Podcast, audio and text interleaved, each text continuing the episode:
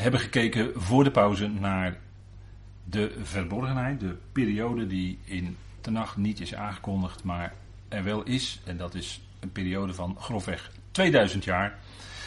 En de bazuin van God zal als eerste de veranderingen gaan inluiden, om het zo maar te zeggen. Wij worden weggenomen als weerhouder en daarna kan de wetteloze zich onthullen. Met zijn aanwezigheid, met tekenen en wonderen en met de oplossingen voor alle problemen. Voor de chaos die eh, er gekomen was, zal deze wetteloze de oplossing bieden als de ruiter op het witte paard. En dan gaat het verder lopen, zoals de openbaring dat zegt. En dan zal de Heer zelf komen en zal het Messiaanse Rijk aanbreken. Duizend jaar lang shalom voor Israël. En daarna de nieuwe hemel en de nieuwe aarde. De nieuwe schepping. Geestelijke zegen. We gaan terug naar de Efezebrief. Geestelijke zegen. Vanaf hoofdstuk 1, vers 3 zijn we bezig met geestelijke zegeningen te midden van de hemelsen. In deze verborgen tijd, de beheer van genade, wordt de gemeente uitgeroepen die het lichaam van Christus is. moet even specificeren altijd. En niet de gemeente is wat te vlak om te zeggen.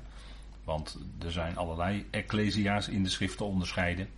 Maar het gaat om de gemeente die het lichaam van Christus is. Dan ben je heel specifiek en dan, daar horen wij bij.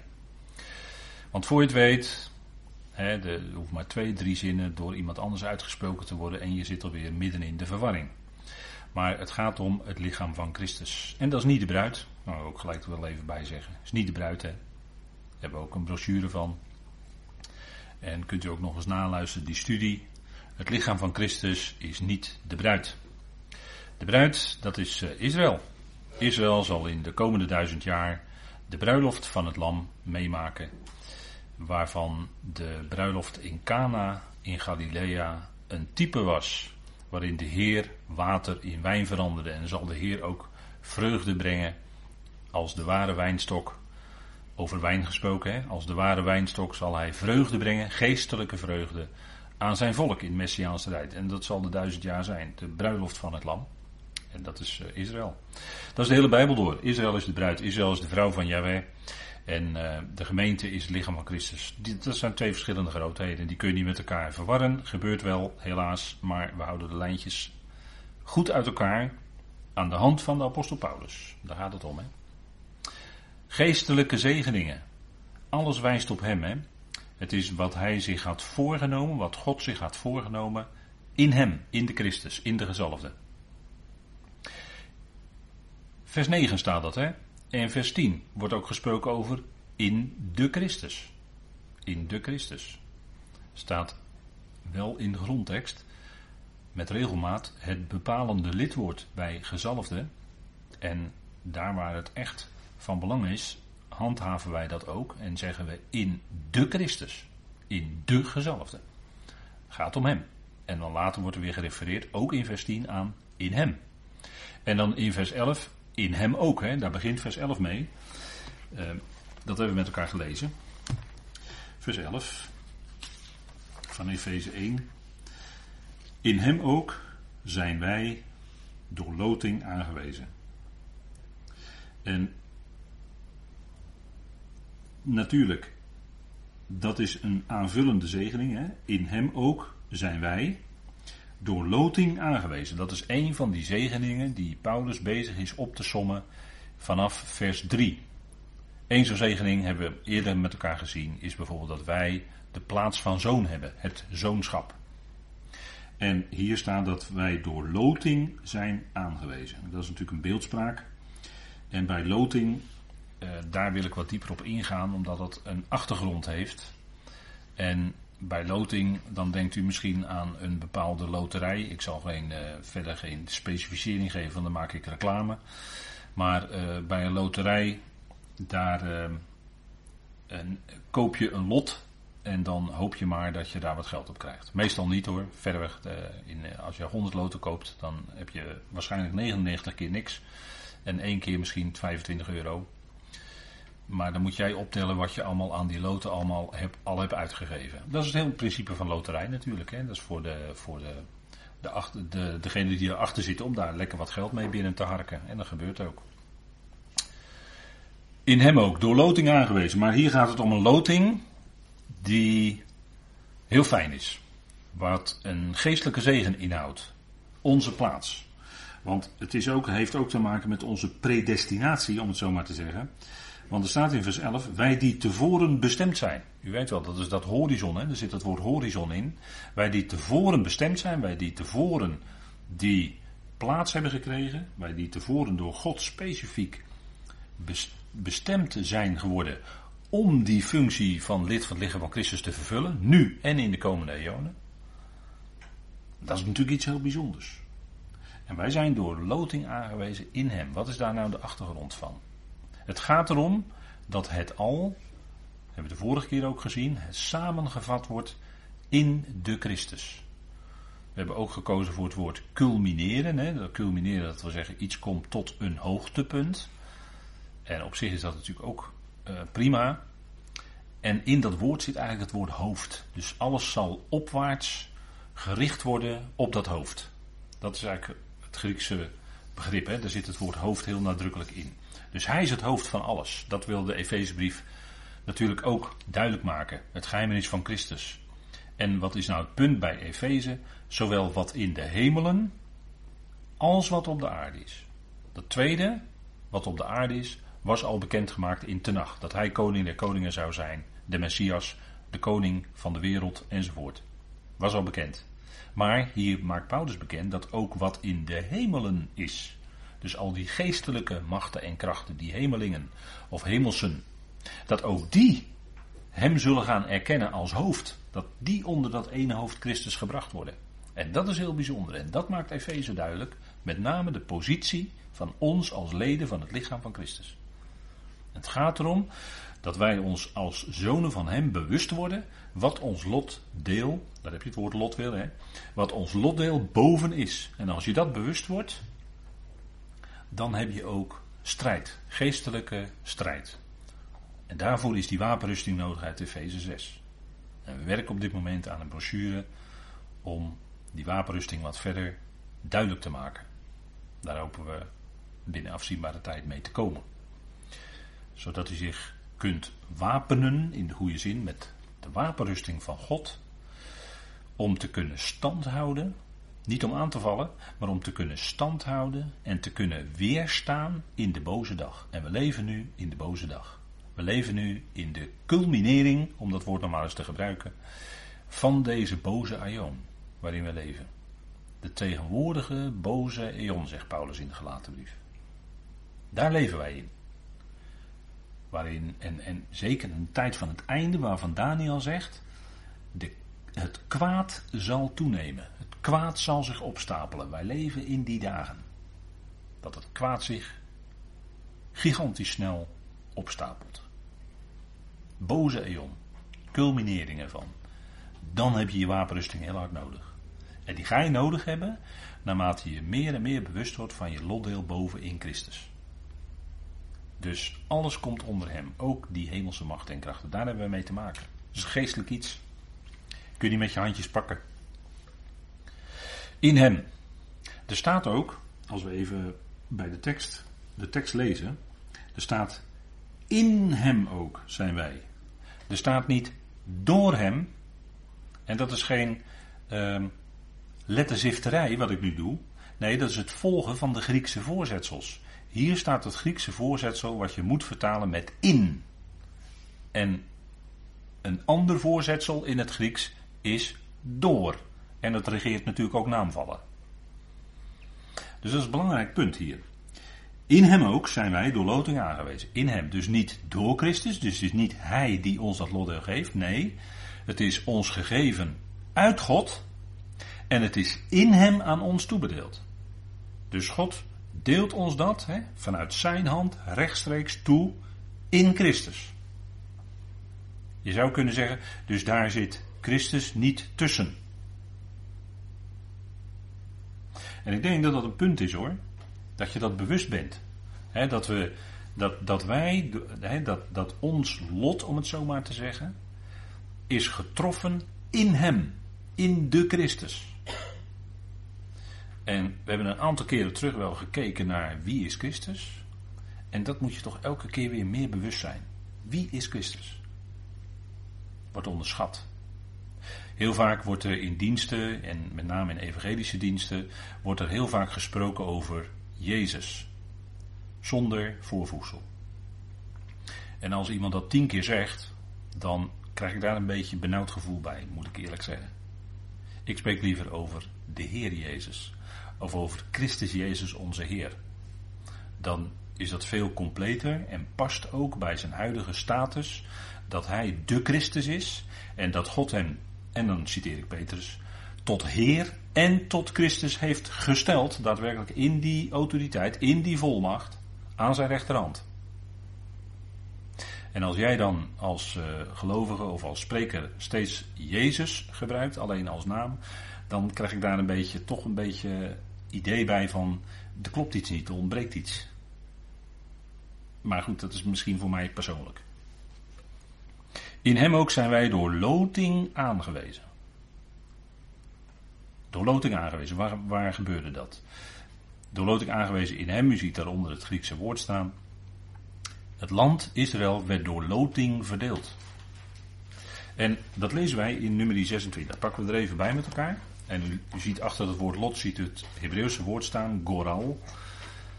Dat is het Hebreeuwse begrip en dat komt in Tenach regelmatig voor. En we gaan daar wat even als achtergrond voor deze woorden naar kijken. Nummer 26, vers 55 was dat voorgeschreven in Torah.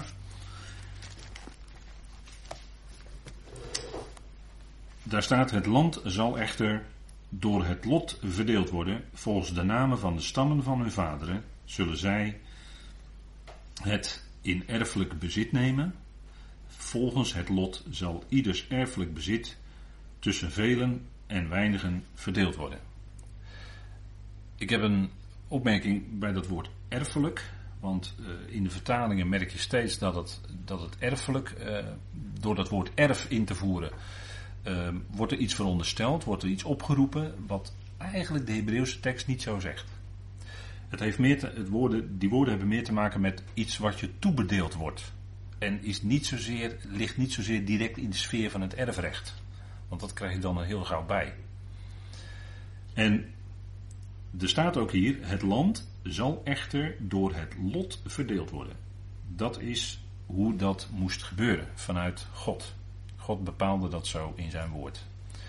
En dat gebeurde natuurlijk niet. Ik heb hier maar een plaatje van dobbelstenen opgezet. Nou, dat is leuk. Daar kan je mee jatseeën enzovoort. Dat is leuk.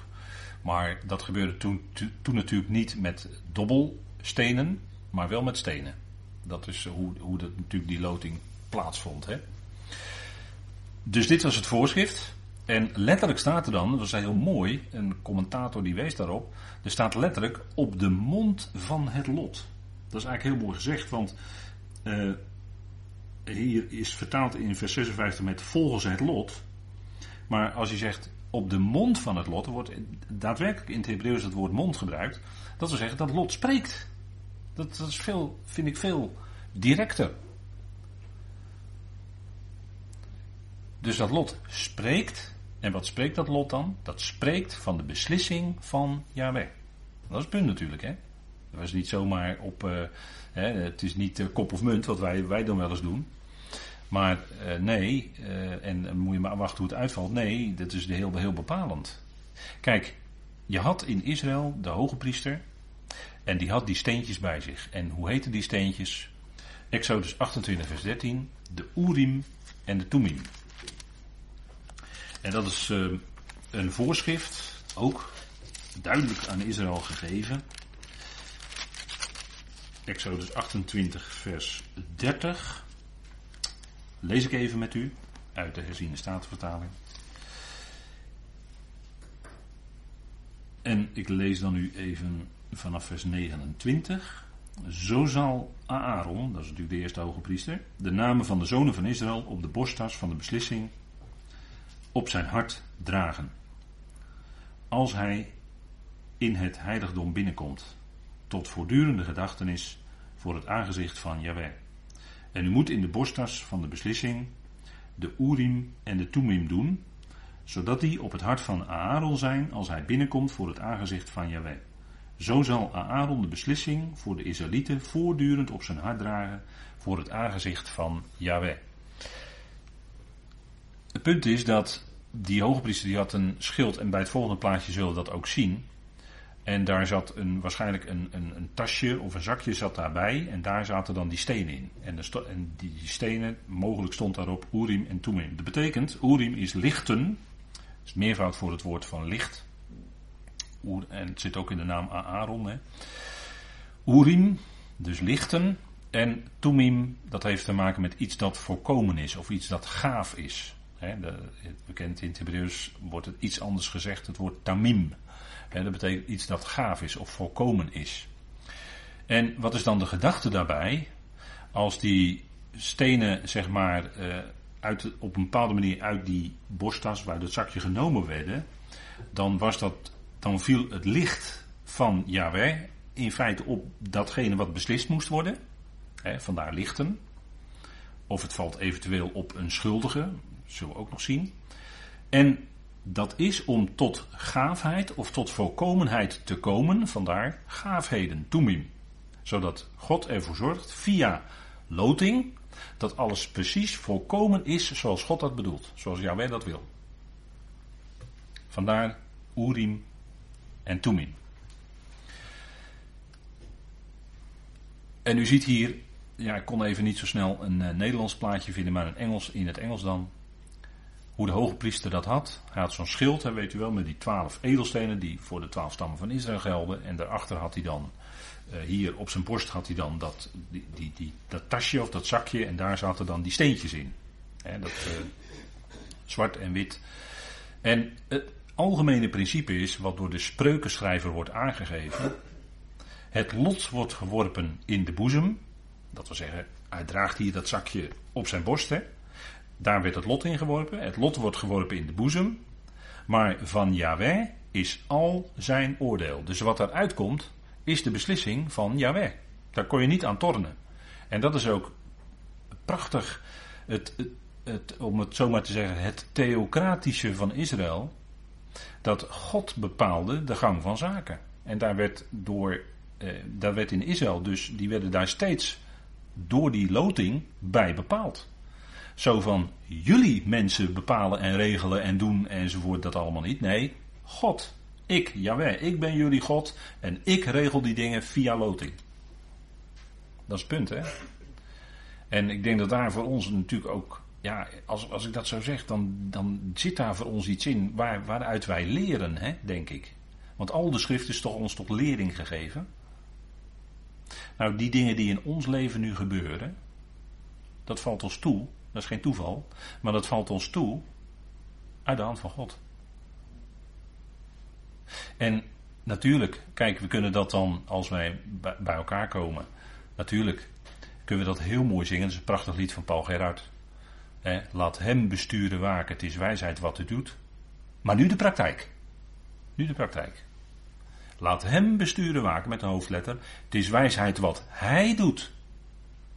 En kun je dat dan ook in de praktijk voor jouw leven, ook in de details, aanvaarden dat de Heer het zo, dat God het zo doet in uw, jouw en mijn leven? Kun je dat accepteren?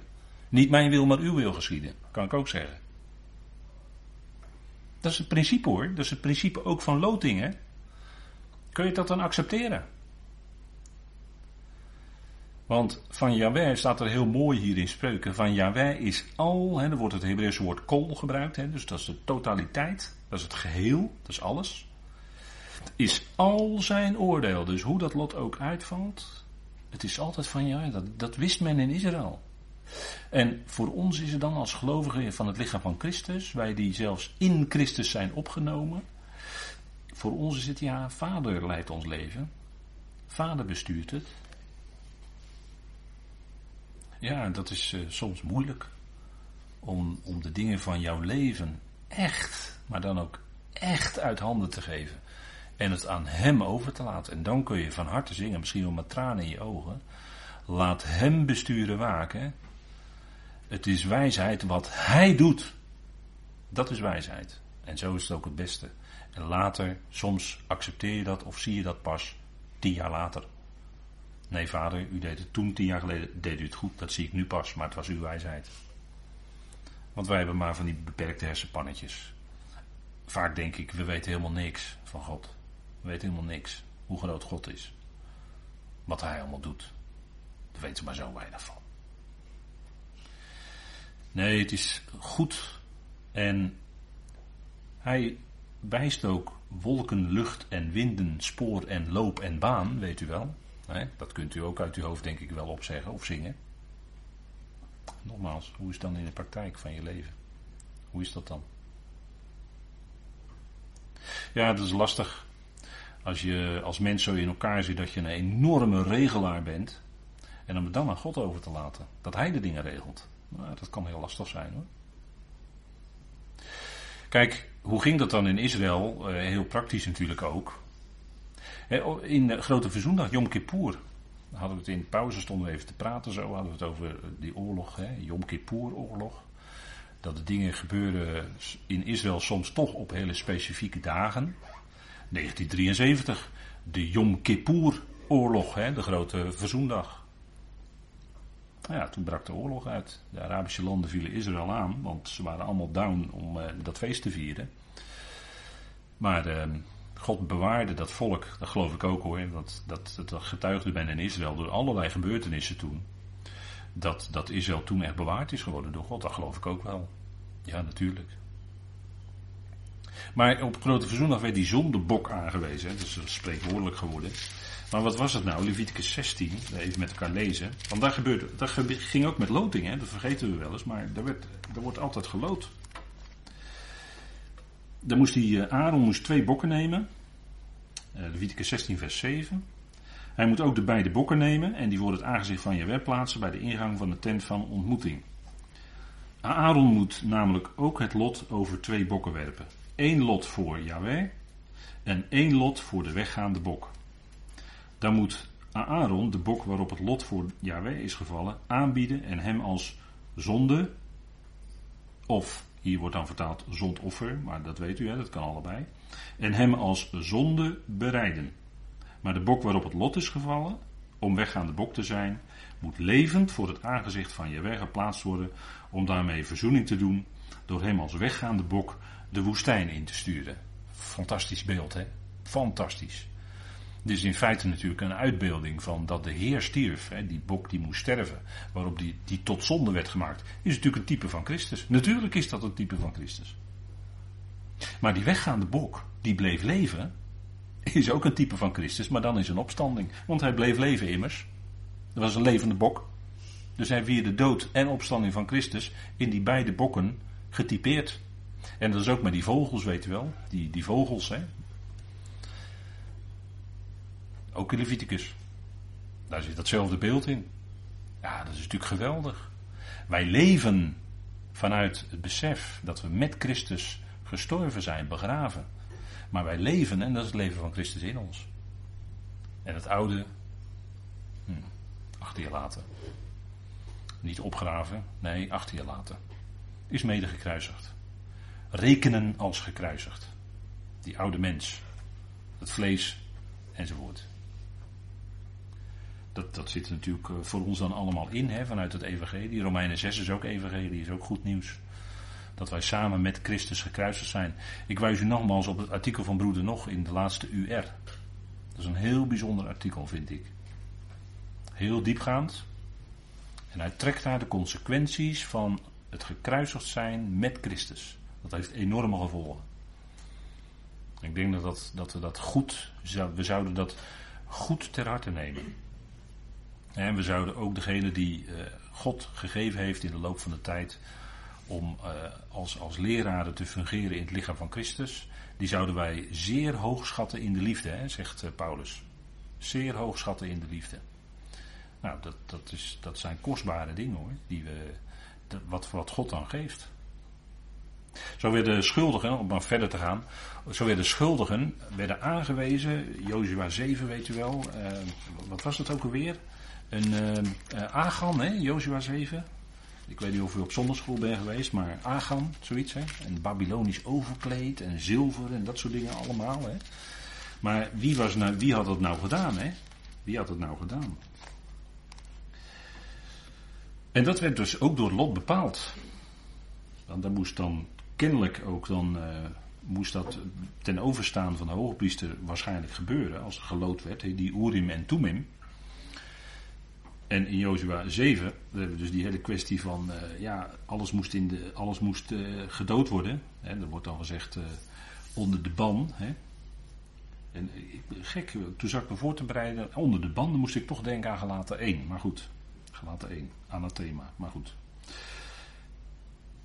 De, de, ze, ze, mochten niks wegnemen. Ze moesten, de inwoners moesten ze doden. Maar dat gebeurde niet. Er was toch iemand die jatte iets. Hè? En dan staat er vanaf vers 13, lees ik dan even met u, Jozua 7. Sta op, heilig volk, van, en zeg heilig u voor morgen. Want zo zegt Jaweh, de God van Israël. Er is een ban in uw midden Israël. Dus dat werkte verlammend, hè? U zult niet tegenover uw vijanden kunnen standhouden. Moet goed opletten wat hier staat, hè? Er is een ban in uw midden Israël. U zult niet tegenover uw vijanden kunnen standhouden. Totdat u de ban uit uw midden wegdoet. En ik denk nu voortdurend aan gelaten 1. Hè? Moet u voor uzelf die koppeling maar eens maken. U moet in de ochtend per stam naar voren komen.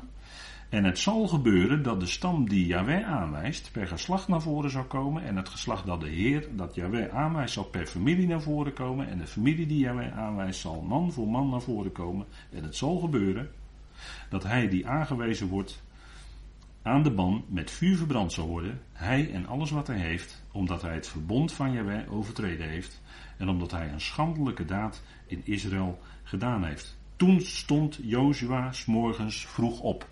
Jozua stond s'morgens vroeg op. Dan weet je, er gaat iets belangrijks gebeuren. En hij liet Israël per stam aantreden en de stam van Juda werd aangewezen. En toen hij het geslacht van Juda naar voren liet komen, wees het. En hebben ze hierbij gezet, en dat is niet zo gek, de herziene statenvertaler schuin gedrukt, dus staat niet in de grondtekst. En wees het lot, het geslacht van Zargi aan, en toen hij het geslacht van Zargi naar voren liet komen, man voor man werd Zabdi aangewezen. En toen hij dienstfamilie naar voren liet komen, man voor man, werd Agam aangewezen, de zoon van Garmi, de zoon van Zabdi, de zoon van Zera, uit de stam Juda. En dat gebeurde door het lot. En de beslissing daarvan, het gericht of het oordeel daarvan, was van Yahweh. Agan werd aangewezen. En die had dat gedaan. En dan moest Agan met zijn familie in de band gedaan worden. En dat was daadwerkelijk gedood worden. En dat moest, omdat Israël, hebben we gelezen, anders konden zij niet stand houden tegen de vijanden. En wat leren wij met de wapenrusting van God? Dat we kunnen stand houden tegen de vijanden als wij in die wapenrusting staan. Dan kunnen we weer staan en stand houden tegen de vijanden. Maar wat gebeurt er als die ban over, uh, over de, de gelovigen komt? Dat is als je twee evangeliën met elkaar gaat mengen, dan raak je je kracht dus kwijt en dan kun je niet stand houden tegen de vijanden. Dat is heel belangrijk hoor. Paulus gebruikt niet voor niets het woord anathema twee keer in Galaten 1. Dan kun je niet stand houden tegen de vijanden. Nee, want dan ben je getrukt. Door diezelfde tegenstander. Want die is erop uit, door middel van allerlei wind van leer, de zaak uit elkaar te spelen en tegen elkaar op te zetten. Enzovoort, enzovoort. En een, een mix van twee evangelieën, van twee boodschappen.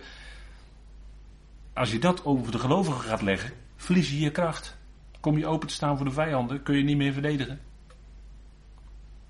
Ik denk dat zo is ook Jozua 7 ons tot lering geschreven en tot onderricht geschreven, opdat wij door de, hè, door, wij door de ja, de troost en de kracht en de overtuiging van de schriften opgevoed worden tot die mens van God die we toch graag willen zijn. Die mens van God die standhoudt in die wapenrusting. Dus ik denk dat zo op die manier die tenag wel spreekt, hè? Dat spreekt. Nou, in Jozua 14 gaan we verder. Daar wordt daadwerkelijk het land verdeeld, hè? Dus het, is niet alleen, het was niet alleen voorgeschreven in Torah, maar ze hebben dat onder Jozua daadwerkelijk ook gedaan. Hè? Jozua, je moet stand houden, zei de Heer tegen hem, en je moet dat woord, dat woord, Jozua 1, lees het maar naar Jozua 1, blijf bij dat woord Jozua.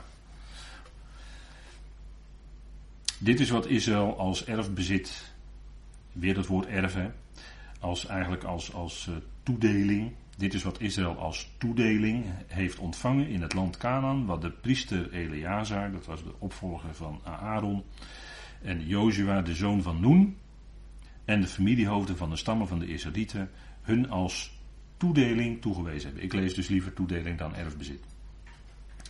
Door het lot werd, en daar wordt het woord lot daadwerkelijk gebruikt, werd hun het toegedeelde bezit gegeven zoals Yahweh door de hand van Mozes geboden had met betrekking tot de negen en halve stam.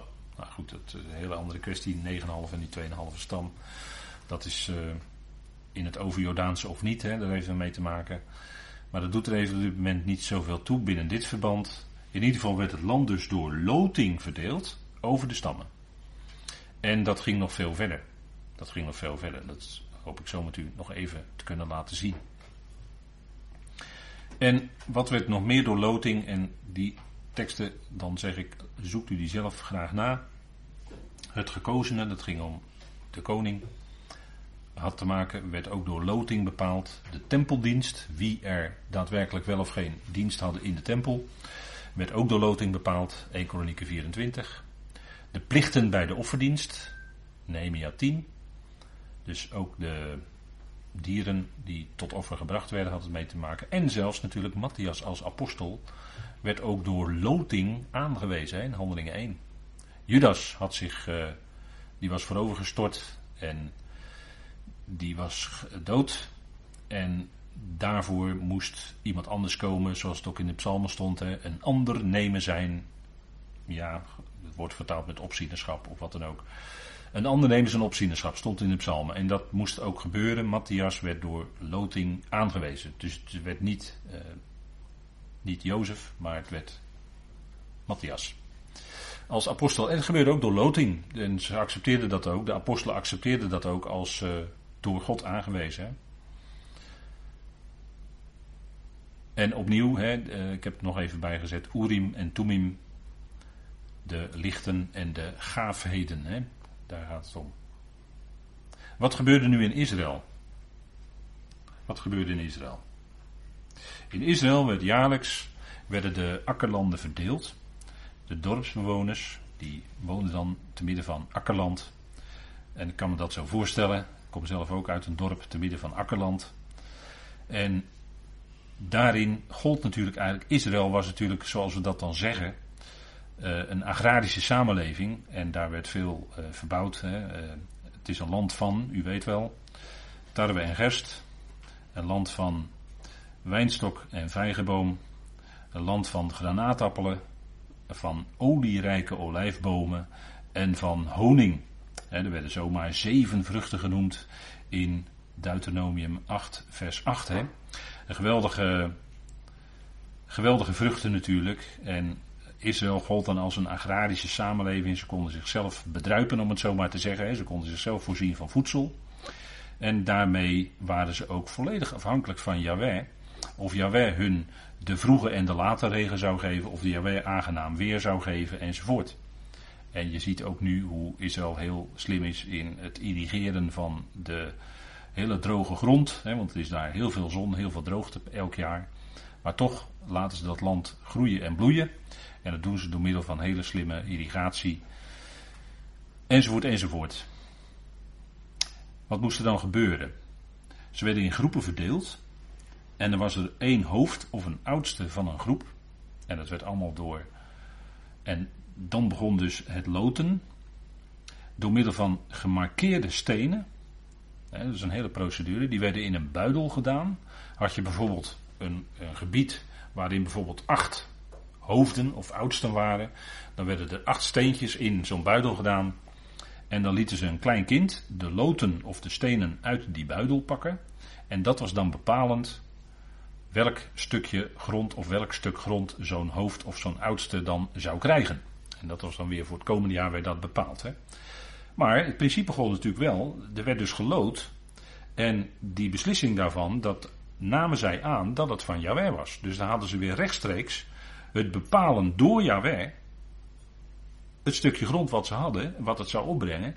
En uh, dat, dat was dus volledig die afhankelijkheid van God. Hè? En dat is eigenlijk heel mooi als je, het, als je het zo ziet hoe dat dan ging in Israël.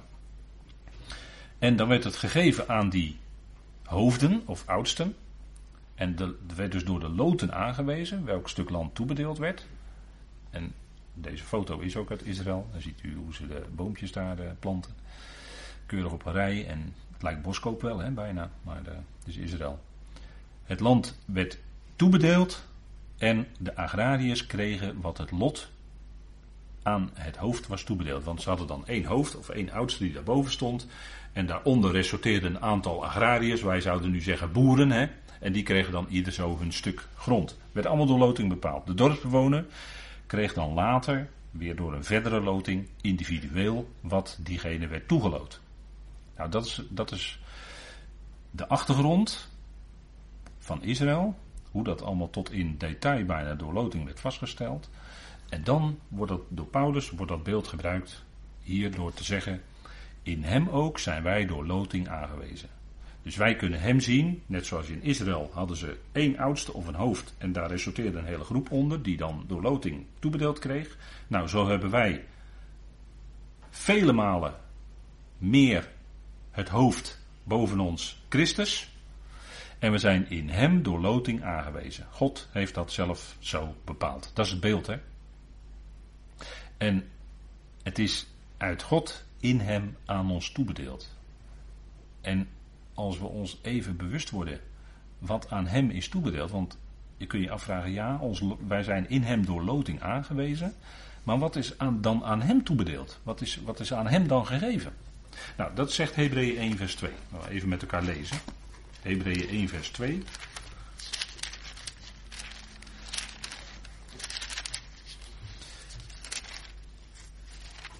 En de Hebreeënbrief begint met het eerste hoofdstuk waarin wordt vastgesteld dat Christus Jezus boven de boodschappers gesteld is. Hè. Hij is veel meer dan de hemelse boodschappers. Ze zijn onder hem in feite gesteld. En er wordt ook naar aanleiding daarvan gezegd dat hij voor een korte tijd beneden die boodschappers was gesteld. Maar nu is in feite in principe al alles aan hem ondergeschikt. Alleen zien wij dat nog niet. Over verborgenheid gesproken, wij zien nu nog niet dat aan hem alles ondergeschikt is. Maar wij zien Jezus met eer en heerlijkheid gekroond, hè? zoals Hebreeën dat dan zegt. In hem ook zijn wij de loting aangewezen. Wat is dan aan hem gegeven?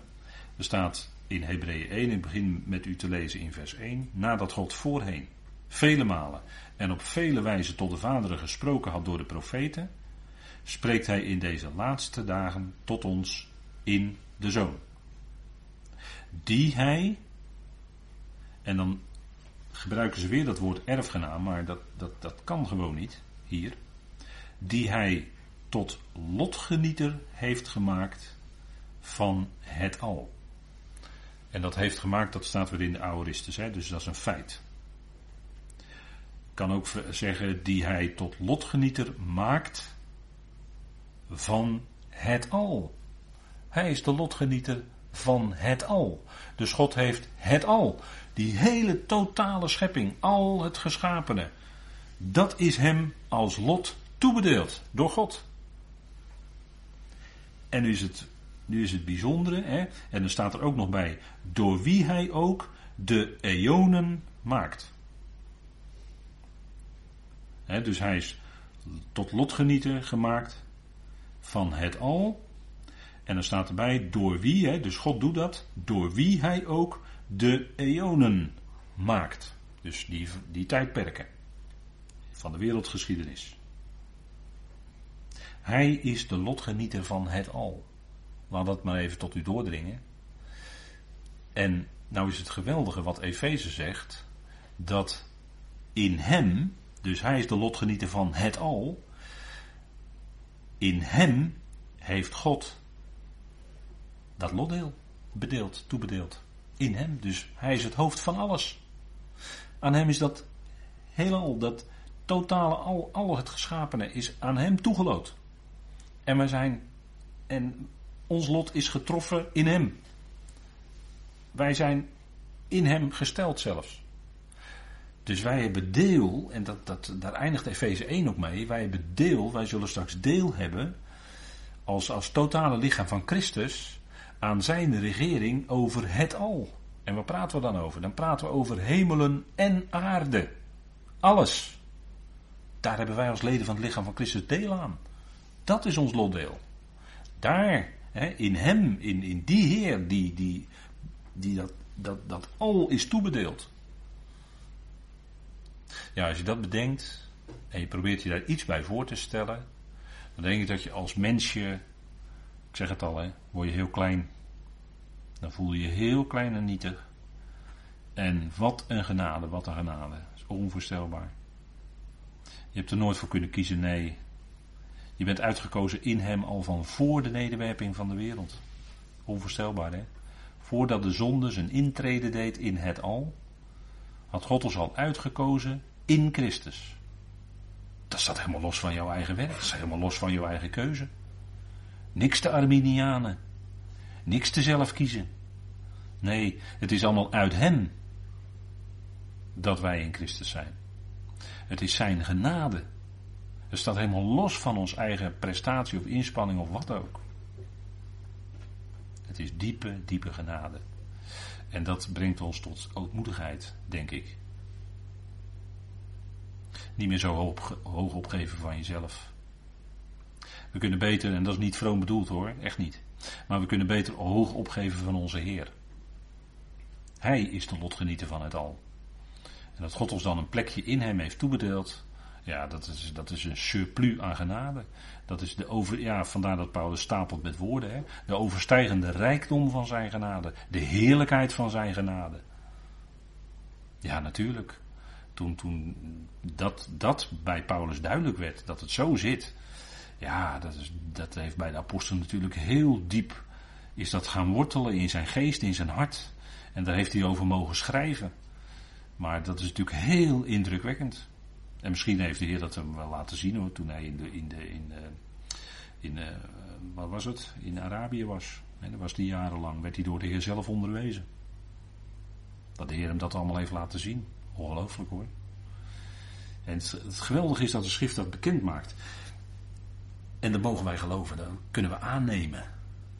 En dat geeft een geweldige verwachting. Onze God die we mogen kennen is de God van de verwachting. Hij gaat doen wat hij beloofd heeft. En we hebben al zo'n geweldige geestelijke rijkdom mogen ontvangen. Zullen we de Heer daarvoor danken? Vader, we danken u dat we deze dingen met elkaar mogen delen. En ja, Vader, als we daarover denken met elkaar, dan komen we diep onder de indruk van plaats die u ons gegeven heeft in Christus. En dat u het voor het zeggen heeft in ons leven, Vader. En dat is maar goed ook. We danken u daarvoor. We danken u voor dat heil, voor die heerlijkheid die hieruit spreekt. De heerlijkheid van uw zoon. De Christus, de gezalfde. Die aan de top staat. Vader, we danken u dat we in hem en aan hem deel mogen hebben. Wat een genade. Dank u wel, Vader. Dank u wel dat u ons dat geeft. Dank u wel dat we inderdaad, dat beseffen, ja, dat we u laten besturen en waken, want wat u doet is wijsheid. Wat u doet is goed. En het zal uitwerken ook tot wat goed is. U overziet het hele plan. U heeft alles geregeld van tevoren. En u laat niets aan het toeval over. Maar dank u wel dat we mogen delen en dat ons steeds meer bewust mogen worden. Vader, dank u wel. Dank u wel dat u zo dit moment, dit uur wilde geven. Dat we ons mogen verheugen. Tezamen met Christus. En dat we ons die bewust mogen zijn. Elk moment dat we in uw hand zijn. En ook degene die ons lief zijn. Degene die u in ons leven direct naast ons heeft gesteld. En de andere naasten heeft u ook in uw hand. Vader, mogen we die ander dan lief hebben met de liefde van u. Vader, met die agape. We u daarvoor dat het achter al uw handelen en plannen zit. Uw weergaloze liefde. Vader, we danken u daarvoor en voor de liefde van Christus. In zijn naam. Amen.